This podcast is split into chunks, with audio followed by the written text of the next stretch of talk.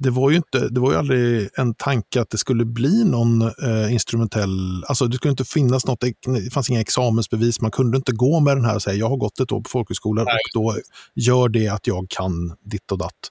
Men mm. att det, i, särskilt i Brunnsviks fall så blev det ju så här, jaha du har gått på Brunnsvik, ja, men då ska du med, det är arbetarrörelsen och det finns liksom, vi behöver redaktörer och vi behöver vad det nu kan vara, ombudsmän. Och att det blev en, att det blev liksom en formell merit.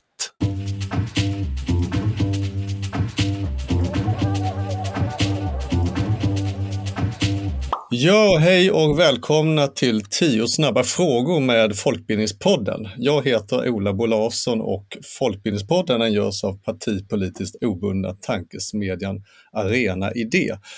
Idag ska ni få träffa Jonas Söderqvist som precis doktorerat vid Ekonomisk-historiska institutionen på Uppsala universitet. Namnet på Jonas avhandling är Social rörlighet i en socialt rörlig tid. Eleverna och deras utbildning vid Brunnsvik, Väddö och Hola folkhögskolor 1906 till 1921. Ja, du är klar med din avhandling nu Jonas. Hur känns det?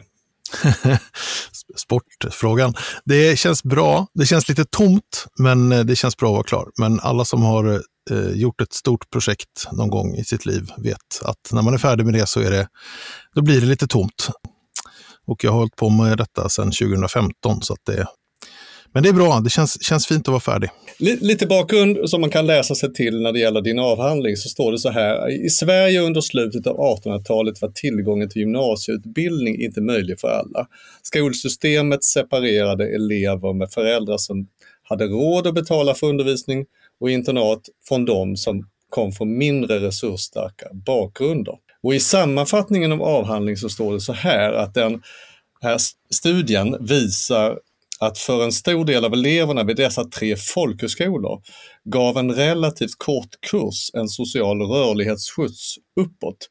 Hur den rörligheten kom till uttryck skilde sig dock beroende på den, det regionala sammanhanget och den specifika karaktären för varje skola. Därmed hävdar avhandlingen att en eh, folkhögskoleutbildning var en viktig investering i en eh, individs humankapital. Det var också en investering i symboliskt kapital eftersom det nätverk som reproducerades på skolorna ofta visade sig vara viktiga för en individs möjlighet. Dessutom visar eh, avhandlingen att individens investering ofta involverade kollektiva överföringar av resurser, antingen inom det civila samhället, från den offentliga sektorn eller inom elevens familjer. Folkhögskoleutbildningen blev en produkt av kollektiva ansträngningar vilket resulterade i individuella karriärer. Ja, det här är mycket ord, eh, men är det ungefär detta du kom fram till när du säger ungefär vad du kom fram till? människor också. Ja, det är väl detta jag har kommit fram till. Eh, alltså... Det var alltså en investering i symboliskt kapital, det här med, med liksom för vissa, vissa utav det här är ju lite, det är ju en, en 270 eh, sidor som, som föregår detta. Och eh, investeringen i, jag, jag har tittat på tre olika folkhögskolor där Väddös folkhögskola är vad jag karaktäriserar som en gammal typ av folkhögskola. Och det här är alltså vid tiden 1906 till 1921. Det är ju, det hände ju väldigt mycket med folkhögskolorna efter detta, men det har jag inte undersökt alls. Väddös folkhögskola var en, en klassisk bondefolkhögskola, det vill säga den startades av ett landsting, Stockholms läns landsting.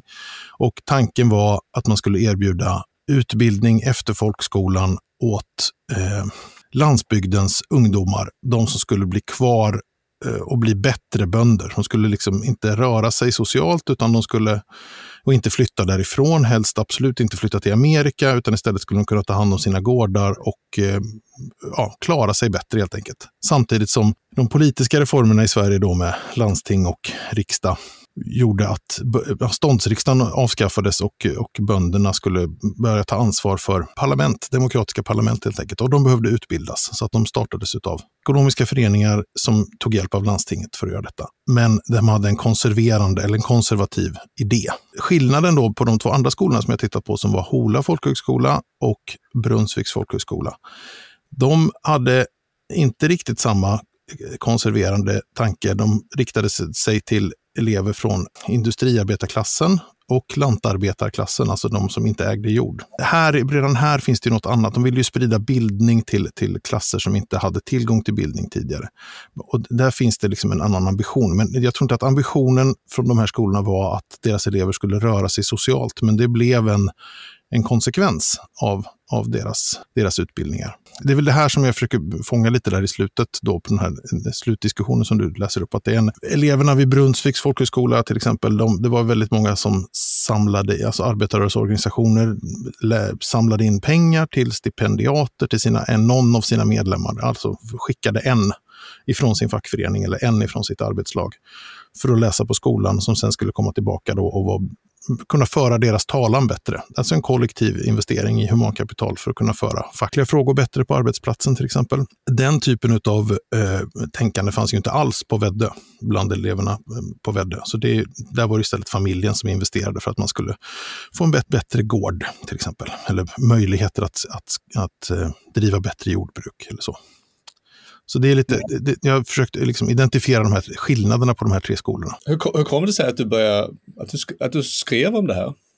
Ja, jag blev antagen till eh, doktorandutbildningen på, i ett, genom ett projekt som redan fanns, som eh, skulle titta på alltså ärvda pengar och utbildning och de här två faktorernas påverkan på social rörlighet på tiden 1850 till 1950 ungefär. Och det här är en, dels en tid som Eh, Eh, man kanske inte, social rörlighet eller klassresor brukar vi ju prata om det som händer på 1950 till 60-talet kanske när, när boomer-generationen eh, kom in på universitetet och det öppnades upp. Och, och, och det är de, alltså Ronny Ambjörnsson och alla de här klassiska eh, historierna om, om, om klassresor. Men tiden mellan 1850 och 1950, vad hände då? Det var ju ändå ett, industrialiseringen och sådär. Fanns det någonting där som man kunde kunde påverka social rörlighet och då de här två frågorna, arv och, och utbildning, eh, ställdes av projektledarna. Och då kom jag, blev jag antagen som doktorand till det projektet och skulle då formulera ett, eh, ett forskningsprojekt inom någon form av frågeställningsramar. Jag eh, har alltid varit mer intresserad av personer som inte kanske haft ut någon möjlighet till ett arv, utan istället behövt använda sig av andra vägar i livet och då är utbildning en sån sån sak. Så att då blev det det. Eh, utbildningen för någon som inte hade tillgång till utbildning. Vad var det för typ av utbildningar på den här tiden? Och det var ju folkhögskolorna. Och sen eh, började jag nysta lite i det och pratade med min mormor som var född 1917 om de här sakerna. Och det visade sig att hon har ju, eller visade sig, det visste jag väl egentligen, men hon, eh, det finns en personlig koppling alltså. Hon eh, har gått på Brunnsvik och som, som facklig kurs när hon var lokalordförande i en beklädnadsklubb eh, i Arboga. Hon läste folkskolan som barn, men det fanns inga pengar. Hon kunde inte läsa vidare efter det. Och utbildning har alltid varit liksom det här, den, den stora drömmen, det som hon inte fick. Men Brunnsvik och folkhögskolekurserna och fackföreningen gav henne möjlighet till utbildning. Så det har alltid varit en, en, viktig grej för henne och då blev det, ja, men det blev ett så här, ja, jag kan knyta ihop det här personligt, personligt intresse med, med de här frågorna som jag ändå ska undersöka. Så så hamnade jag i folkhögskolan. Till ditt eget förhållande till folkbildningen? Um, nej, jag har inte, varit, jag har inte deltagit i folkhögskolan. Jag menar, jag har haft en studiecirkel genom ABF och spelat rock, som ganska många andra från, som var unga på 90-talet. Men uh, jag har inte um, gått på folkhögskolekurs eller så själv. Spännande hur du jämför de här olika, tre olika skolorna och jag förstår då urvalet såklart. Det blir ju väldigt intressant. Fanns det någonting uh, att säga om skillnaden mellan män och kvinnor? För du nämnde din mormor där, uh, på de här olika skolorna. Ja, Eh, det var ju dels eh, alltså Hola och eh, Brunnsvik. Tog, eh, Väddö tog inte emot kvinnliga elever överhuvudtaget. Eh, eller de tog emot dem till sommarkurserna som var mer praktiskt inriktade. Men inte till de här långa vinterkurserna som, med, med teori också, som är de som jag har tittat på. Men ehm, eh, både Hola och Brunnsvik hade samundervisning av män och kvinnor och det var ju internatskolor så att män och kvinnor bodde tillsammans också. Och det här var ju naturligtvis en del av eh, grunden till den kritik från det konservativa samhället som, som fanns vid den tiden att, mot de här skolorna, att det var ju osedligt och så vidare. De, man kan säga att de, Hola och Väddö, eller Hola och Brunnsvik hade lite olika det gick lite olika för dem, de kvinnliga eleverna. Det är det jag har gjort egentligen. Jag har ju eh, undersökt vad det blev av de här eleverna efter sin utbildning. Och eh, Hola-eleverna eh, till väldigt stor utsträckning fick eget, egna yrken, vilket inte var jättevanligt heller på den här tiden, utan man gifte sig och drog, och som kvinna då förväntades man att man drog sig tillbaka från arbetsmarknaden och tog hand om hemmet istället. Men bland HOLA-eleverna så fanns det väldigt många kvinnor som eller en stor andel kvinnor, som var gifta och fortsatte att ha ett eh, eh, praktiserat yrke. Lärarinnor, sjuksköterskor och så vidare. Och det var inte någonting som man det var ingen examen som man kunde få från en termin på, på folkhögskolan, utan det blev att folkhögskolan blev en steg på bildningsresan, så att säga, på vägen mot, mot ett yrke och mot vidareutbildning. Medan på Brunnsvik då som arbetarrörelsens, eh, där blev de flesta av de kvinnliga eleverna hemmafruar. Vilket ju kanske strider lite mot vår idé om vad arbetarrörelsen är idag eller vänsterpolitik eller så. Men det, det var ganska tydligt att det var, inte, det var svårt för dem att få, för kvinnliga eh, arbetarrörelsemedlemmar att få eh, stipendier för att kunna komma till skolan. Det finns mycket, jag har hittat mycket intressanta klagomålsdiskussioner om detta i kongressprotokoll och eh, brev och sådär. Men också att när de väl var liksom, senare i livet så, så hade de inte i så stor utsträckning eh, egna yrken. Och de, till exempel, det finns ett par exempel på, på mm, elever från Brunnsvik som kom från en socialdemokratisk ungdomsklubb och gick på Brunnsvik, studerade vidare till att bli lärare, men så fort de blev anställda lärare ute i någon kommun så lämnade de socialdemokratin och gick över till Liberalerna istället. Eh, vilket ju också är symptomatiskt på något sätt. Så jag tror det var något så jätteroligt att, att vara kvinna inom arbetarrörelsen på den här tiden kanske. Jag glömde säga för, för lyssnaren var de här tre olika folkhögskolorna ligger i landet någonstans, men, men Väddö ligger norr, norr om Norrtälje och, och Brunnsvik låg i närheten av Ludvika. Och, eh, Hola eh, ligger i Ådalen. Så, att... så vi vet det bara. Så att vi Just vet det, vi, ja. ja. Du nämnde lite grann hur du hade gått tillväga här, lite grann, det här med källmaterial och så. Jo, jag har Eh, det är egentligen klassisk eh, eh, släktforskning kan man säga. Jag, har, jag började med att titta på varje skola producerade en årsredovisning med, för över det gångna läsåret med en klasslista. Och då fanns ja, namn och efternamn och födelseort eller födelseår med.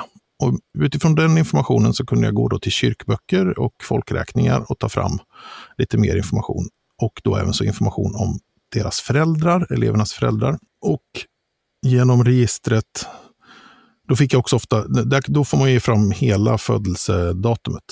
Och genom registret eh, Sveriges dödbok, som alla släktforskare känner till, kunde jag få fram de församlingar där de hade eh, avlidit, sista, sista församlingen där, där eleven har levt. Och kunde då beställa fram eh, personakter eller dödakter från de här olika landsarkiven. Och på dessa dödakter, så om jag hade tur, så stod eh, eh, sista yrkestitel angiven. Vilket eh, då fick bli en indikator för om de hade blivit varit hemmafruar, till exempel, någon kvinnor, eller om de inte hade någon yrkestitel. Så fick jag beställa fram deras makars yrkestitel istället, eller deras dödakt. Så det var ett litet pusslande och det resulterade i en databas med 2785 individer, tror jag jag skrev väldigt mycket människor. Och så i, den här, i det här datamaterialet så har jag då kunnat fylla på med information från skolorna, till exempel om på Brunnsvik var man väldigt noga med vilka organisationer man hade varit medlem i, vem som hade betalat, vem, vilken organisation som betalat en stipendier. Det fanns lite sån information på, från Hola och Vädde också, men inte lika mycket dessvärre. Men då kunde jag använda det materialet och söka i, alltså i biografiska lexikon om det, eller i eh, tidningsdatabasen Svenska dagstidningar på, som KB håller. Bara med namn och efternamn till exempel, så kunde man få fram information också och olika. På, på Arbetarrörelsens arkiv och bibliotek så fanns det en hel del eh, personarkiv över, en, över elever också. Och eh, vissa elever har skrivit memoarer och så. Här. Så jag har liksom samlat alla möjliga olika typer av, av material. Men det är den här släktforskningen som har varit grunden till, till datasättet. Ju, man förstår ju lite grann hur du tänker kring urvalet och så. Men, men fanns det saker som du har påbörjade men som sen du inte liksom kunde liksom gå vidare med för att det inte fanns material som ändå var intressanta? Som... Ja, men det försvann ju en del. få, alltså till exempel Sveriges dödbok, i Sveriges dödbok så finns ju bara de registrerade som, som avled i landet. Så där finns ju alla som emigrerade till exempel, de finns inte med där. Och då måste jag, då har man, ibland så har jag hittat någon notis om att de fanns med på någon passagerarlista till Amerika eller så, så man kan dra en slutsats att de troligtvis har, har emigrerat. Men, men det var ju folk som föll bort då från undersökningen för att jag kunde inte göra den här fick inte reda på vad de hade för sista yrke till exempel. När jag började det hela projektet så visste jag inte riktigt vilka skolor jag skulle välja. Så då hade jag tittade jag också på till exempel Skaras eh, högre allmänna läroverk och började göra en databas över, över elever därifrån. Ja, det var inte riktigt lika intressant. De var liksom uppenbart från en helt annan samhällsklass. Så, det, så skillnaderna var liksom redan där från början. Så, så jag har lite sådana påbörjade datainsamlingar men som, som inte gav något, utan att jag har släppt och gått vidare för att det är väl det som är forskning också, tänker jag, att man inte vet exakt vad man ska göra när man börjar. Jag, jag tänker om man, om man nu hoppar, hoppar fram till vår tid, om man tänker social rörlighet, vad, du kanske tänkte på det under tiden du har skrivit den här avhandlingen. Eh, hur, har, har, du gjort det? När man börjar titta på någonting så ser man det precis överallt, så är det ju. Nej, men det, det kom ju ganska mycket, det har kommit ganska mycket forskning under den tiden som jag har eller som jag har hållit på med avhandlingsarbetet som har berört vår tid också. Ja, men forskning som säger att den har stannat av, att det inte finns någon, eh, någon social rörlighet längre, till exempel att det viktigaste, det enda sättet att, och lyckas och bli rik är att man föds lyckad och rik. Det är ju eh, en vedertagen sanning på något sätt nu. Och jag såg idag att mm, Peter Larsson har skrivit någon bok om detta som kommer ja, så, att, så att det finns ju liksom både forskare och så det, det, det, finns ju överallt. Eh, jag vet inte riktigt om jag har social klass eller ja, klassbegreppet är ju också intressant. Och det är ju det är någonstans det man utgår ifrån när man har, man måste, när man, när man pratar om social rörlighet så är det ju att man rör sig mellan olika typer av sociala klasser till exempel. Det är ju eh, det, det förutsätter ju en, en eh, förståelse av samhället som, som klassindelat. Det, det blir ju ganska man kan ju ifrågasätta, beroende på vad man lägger i det här begreppet klass, så, så eh, ser ju rörlighet, då kommer man få se, syn på rörlighet på olika sätt. Jag tror att det var för bara några veckor sedan så hade väl Jan Guillou en, eh, en eh, krönika om att det inte finns någon, klass, någon social rörlighet överhuvudtaget i Sverige. Det finns inga klassresenärer förutom prins Daniel. För han lägger i ett väldigt mycket bourdieuiskt begrepp. Att man, eh, det handlar inte bara om att man har mycket pengar helt plötsligt, utan att man också vet att man inte ska ha bruna skor efter klockan sex på middag eller att man ska äta i vilken ordning man ska använda besticken och sådär. Alltså det finns en massa andra kulturella koder som man måste lära sig, som man inte kan. Det inte kommer automatiskt med att bankkontot blir fett. Liksom. Utan det, social rörlighet idag jag tycker att det, det, är svårt att diskutera det i en, en politisk...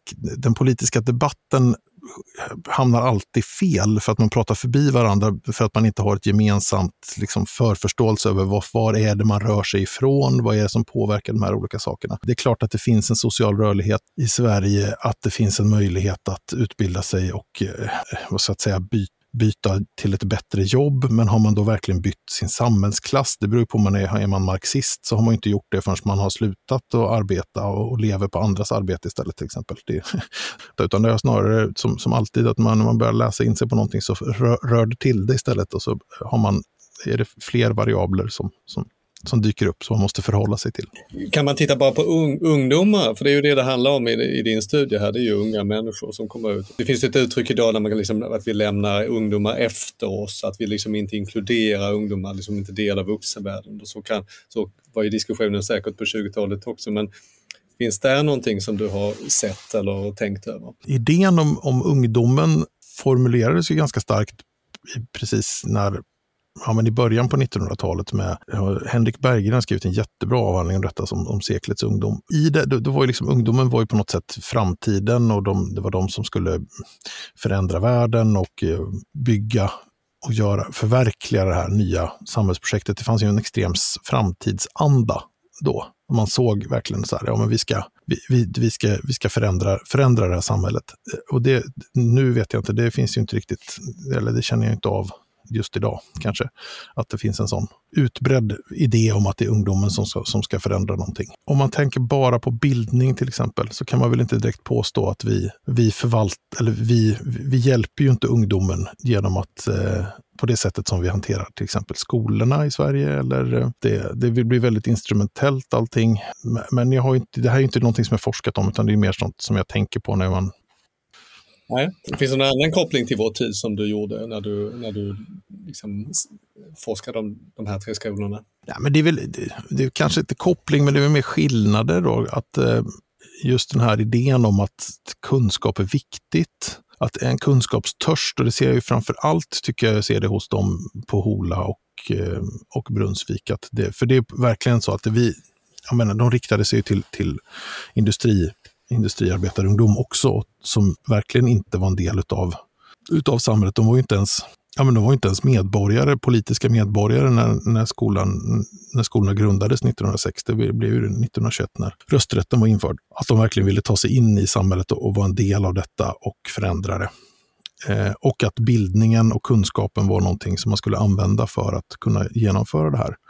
Och idag så är väl kanske inte idén att, att, en, att en utbildning måste leda till någonting specifikt, till exempel. Det är ju någonting som inte, eller som, eh, som präglar dagens samtal om vad en utbildning är för någonting. Blir jag någonting på det här? Så annars är det eh, inte värt någonting. Och den diskussionen fanns ju inte alls då, utan då var det mer så här, vi måste vi måste utsätta dem för poesi för att de aldrig blivit utsatta för poesi och det är viktigt att bli utsatt för poesi så att de kan läsa poesi senare i livet och förstå och ta del av mänsklighetens skönhet på något sätt. Det är skillnad, skillnaderna jag har noterat kanske snarare än, än, än likheterna. Hur har intresset varit för, för din avhandling här? Vad... Ja, jag har disputerat 31 mars i år, bland annat då från, från gamla Brunnsvikselever och så, så det är, ju, det är ju roligt. Men det, det räknar jag nästan med att jag skulle få faktiskt. För de är väldigt intresserade av sin egen historia. Så det... vad, vad, gör du annars på dagarna? Ja, jag har ett, eh, ett arbete på forskningsavdelningen på Arbetarrörelsens arkiv och bibliotek. Jag jobbar med eh, Eh, tidskriften Arbetarhistoria. Och sen eh, söker vi ja, jag söker forskningsbidrag dit. Vi jobbar på en eh, antologi om arbetarbildning i Europa några forskare som vi har träffat på konferenser runt om i eh, under, under doktorandtiden. Finns det någonting mer som du, innan vi avrundar, som du vill säga om avhandlingen som du tycker vi har missat att prata om? Jag vet inte, jag, kan, jag tycker, jag har försökt att, det är väl en sån här framställnings, eh, framställningssak, jag har försökt att skriva den på ett, eh, ett sätt så att den ska gå att läsa, vilket ju inte alltid eh, akademiska avhandlingar går att göra. Jag har skrivit den på svenska, jag har eh, försökt att inte krångla till det för mycket. Och eh, den är ju som all forskning som på doktorsnivå i Sverige så är den ju open access, så den går att ladda hem gratis ifrån, eh, från Uppsala universitets hemsida. Jag, jag, kan bara nämna att vi en liten, det här, Peter Larssons bok heter Riggat och den ges ut på Atlas förlag. Det kan man nämna. Tack Jonas Söderqvist för att du ville svara på Folkbildningspoddens tio snabba frågor om din avhandling Social rörlighet i en social rörig tid. Eleverna och deras utbildning vid Brunnsvik, Väddö och Hola folkhögskolor 1906 till 1921. Tack så mycket. Tack för att du fick vara med.